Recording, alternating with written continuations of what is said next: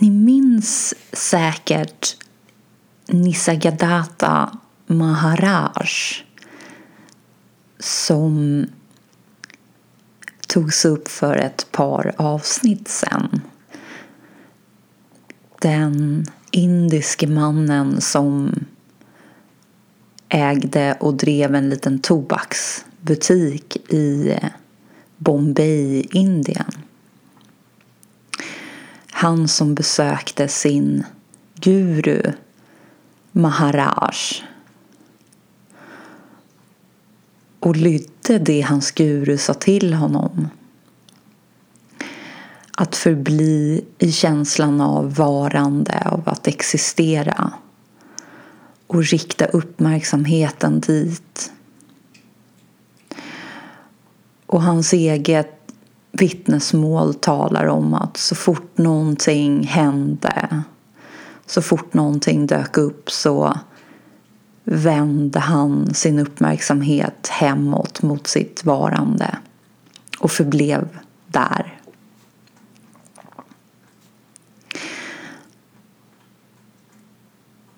Någonting som så står med i hans bok I am that eh, är Give up differentiation All is one only. Ge upp alla tankar om differentiering. Allt är ett och endast ett.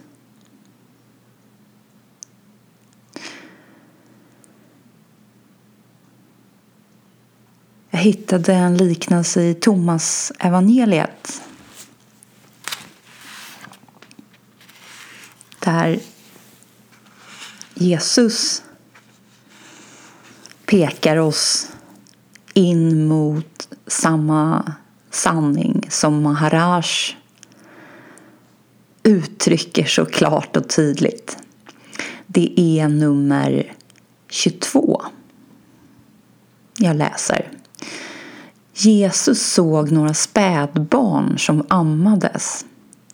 Han sade till sina lärjungar Dessa små vid bröstet är lika de som går in i kungariket. De sade till honom Om vi vore barn skulle vi komma in i kungariket. Jesus sade till dem När ni gör tu till ett och när ni gör det inre till det yttre och det yttre till det inre och det övre till det nedre och när ni gör mannen och kvinnan till ett så att mannen inte är man och kvinnan inte är kvinna. När ni gör ögon istället för öga och en hand istället för en hand och en fot istället för en fot, en bild istället för en bild. Då ska ni komma in. Och sen i nästa paragraf, nummer 23, så fortsätter Jesus så här. Jesus sade, jag ska välja ut er en av tusen och två av tiotusen och de skall stå enade som en.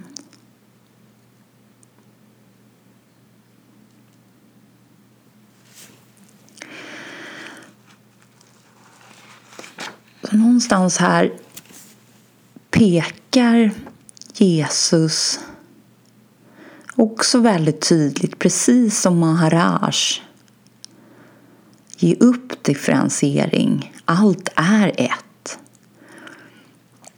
Så pekar Jesus också mot att när vi gör två till ett, när vi inte längre skiljer det yttre från det inre eller det inre från det yttre eller det övre från det nedre. Och när vi inte längre gör konceptet man till en man eller konceptet kvinna till en kvinna. Och sen fortsätter han lite mer komplext. När vi gör ögon istället för öga. Och en hand istället för en hand. Och en fot istället för en fot. En bild istället för en bild. Då ska vi komma in. Och det här sista som han säger, just ögon istället för öga. Där pekar han oss mot det vi också varit inne på lite grann. Att även om vi inte håller någonting i handen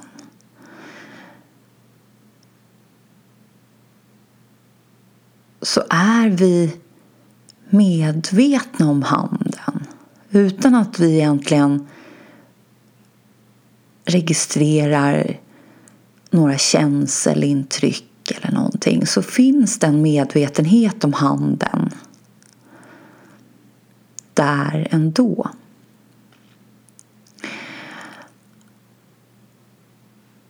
Och det fick mig att tänka på en annan ett utdrag ur en av Upanishaderna, nämligen Kena Upanishaden. Upanishaden är då en gedigen samling skrifter som vi har ju varit inne på det här tidigare med hinduism och huruvida det kan betraktas som en religion eller inte. Men, men det finns en uppsjö av olika heliga skrifter inom ramen för det vi skulle kunna kalla hinduism. Och Upanishaderna är ju ett tjockt verk, ett samlat verk också där skrifterna är lite från olika tidsåldrar eller har uppskattats i olika tidsåldrar. Och det jag kommer läsa nu ingår då i en del av Upanishaderna som heter just Kena. Eller Kenopanishad. Och det här är på engelska. Not that which the eye can see, but that whereby the eye can see. Know that to be Brahman the eternal, and not what people here adore. Så inte det som ögat ser, men det som möjliggör för ögat att kunna se.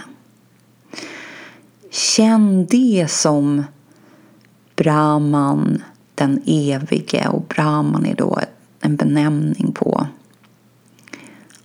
världsalltet. Eller, ja.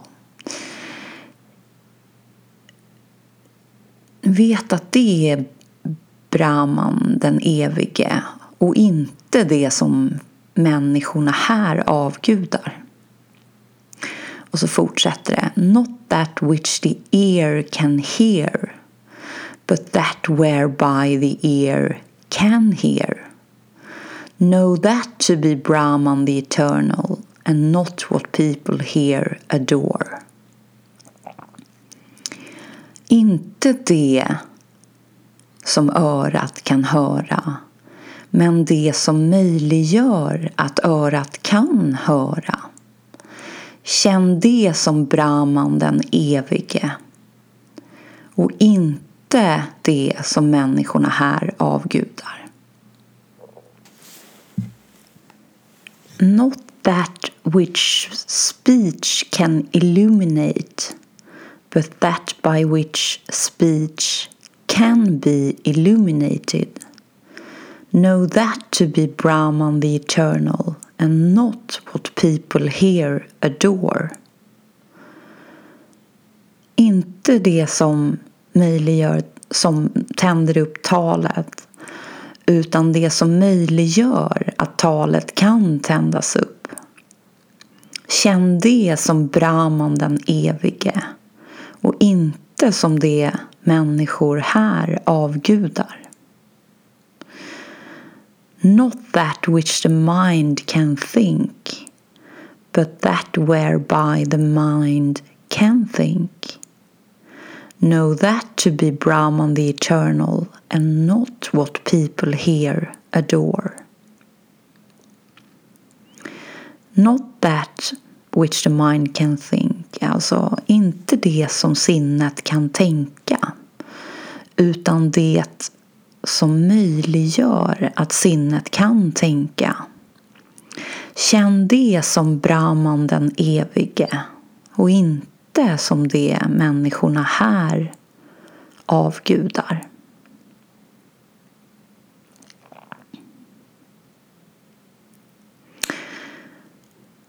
Och det här pekar precis på samma sätt som Jesus när han använder ett öga istället för ögon och en hand istället för en hand.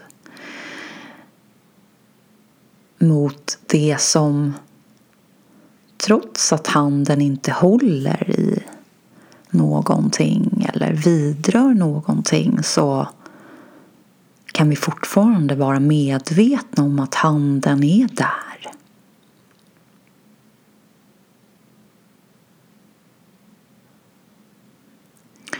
Så istället för att rikta uppmärksamheten mot spegelbilden så vänder de här pekarna uppmärksamheten hemåt, inåt, tillbaka mot den som tittar.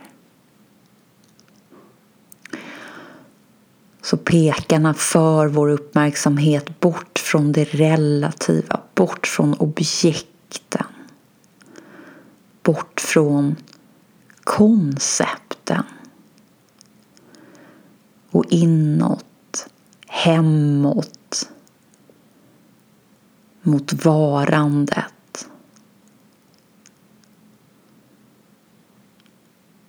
Mot det som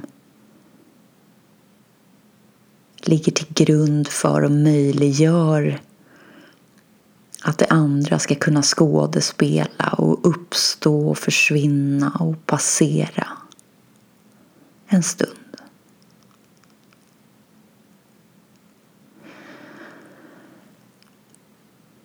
Och när vi förblir här med vår uppmärksamhet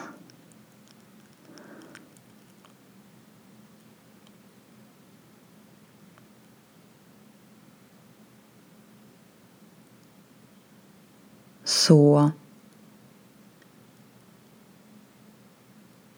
tar stillheten över och hamnar mer och mer i förgrunden.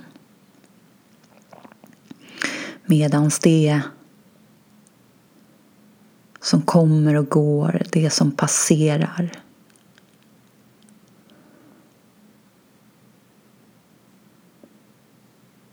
blir mer och mer perifert och mer och mer avlägset. Och gränserna suddas ut. Koncepten blir koncept snarare än sanningar. Här är det inte självklart att separering är ett faktum utan snarare är separeringen tanke som vi själva har skapat som en sanning genom att identifiera oss med tanken på ett jag som en enhet, som ett objekt bland andra objekt.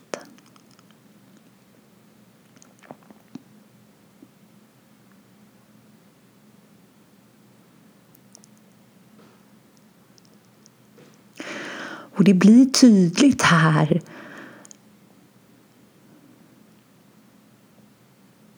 varför Jesus kan säga när han talar till översteprästerna utanför templet i Jerusalem och säger jag har lagt mänsklighetens synder på mina axlar.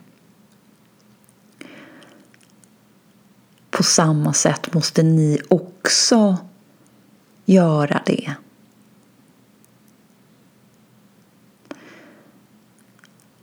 Annars kommer ni inte komma in i himmelriket eller i kungariket. Det handlar om att inse och faktiskt se med det som möjliggör att våra fysiska ögon också kan se saker. Alltså den inre synen, den intuitiva, klara, ogrumlade synen eller ögat. Se att differentiering är en tanke. Jag är inte en sanning. Och därmed existerar inte heller min synd eller mina synder som egentligen handlar om att vända sig ifrån sanningen. Så att det är kollektivt, det är gemensamt, det tillhör densamma.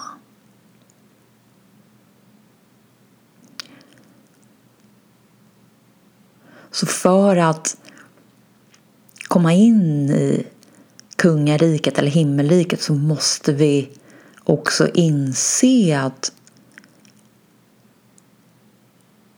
vi är ett med helheten, med totalen.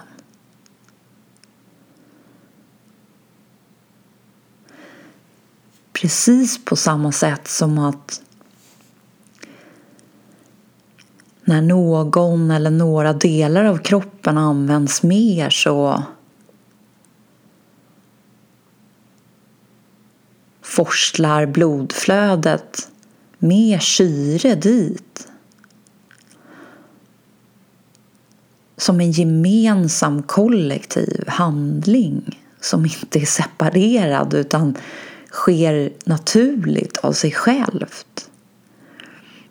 Ingenstans på vägen är det någon liten del som försöker undanhålla syresatt blod för att bygga upp ett eget förråd utifall att det i framtiden skulle visa sig att flödet sinade. Allt sker i ett enda flöde i en intelligens, i en närvaro som intuitivt tycks veta vart behovet just nu är som störst.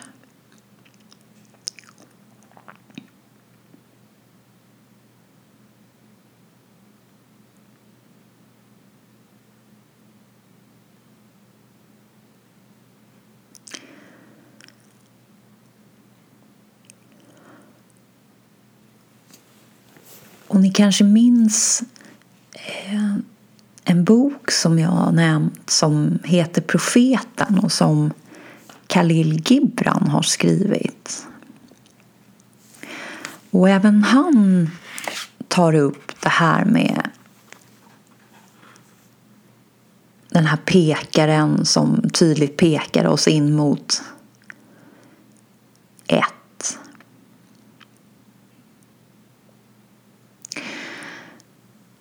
sedan talade Almitra och sade Vi vill nu fråga dig om döden. Och han sade Ni vill veta dödens hemlighet. Men hur ska ni finna den om ni inte söker den i livets innersta? Ugglan vars nattögon är blinda om dagen kan inte avslöja ljusets mysterium. Vill ni verkligen skåda dödens ande så, så öppna er för djup, eh, livets sinnliga närvaro.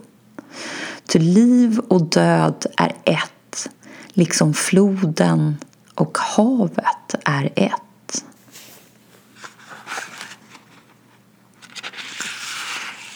Endast då ni dricker ur tystnadens flod kan ni verkligen sjunga. Först när ni nått bergets topp kan ni börja bestigningen. Och först då ni återlämnar er kropp till jorden kan ni i sanning dansa.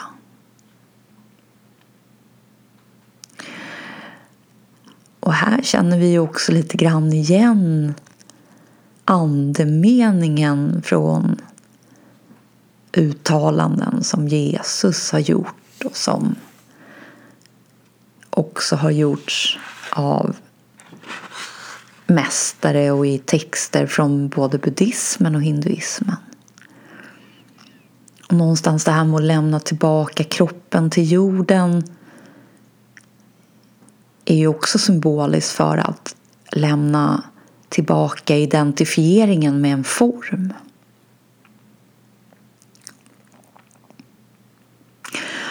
Och han pekar också tydligt in mot att livet och döden, alltså allting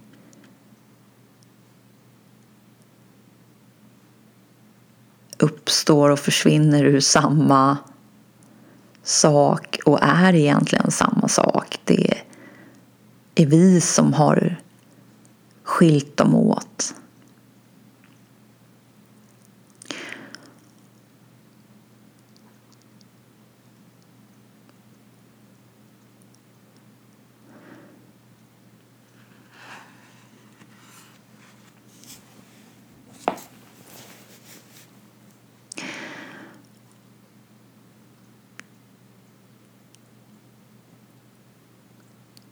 Någonstans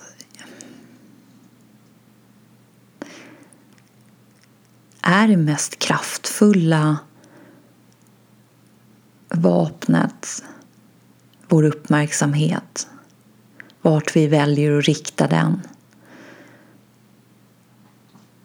Därför att beroende på det så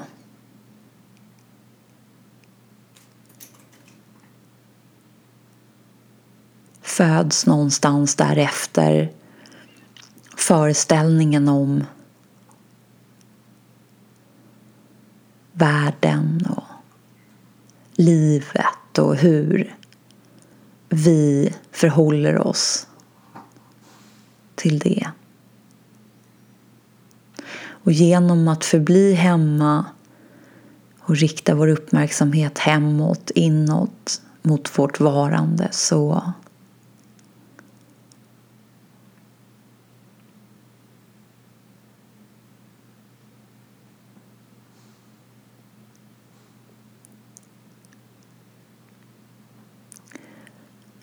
framträder eller täcks en djupare sanning av. Som automatiskt leder till djupare förståelse och djupare insikt för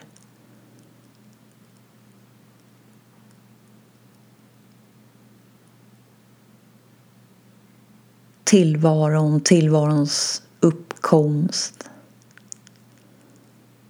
och tillvarons sammansättning.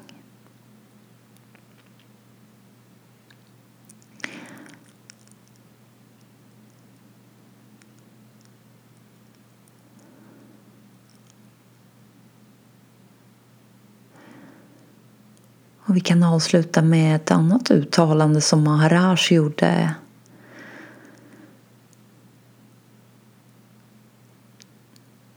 som lyder ungefär så här. Jag lämnar formen och dess historia och dess öde och förblir som jag är.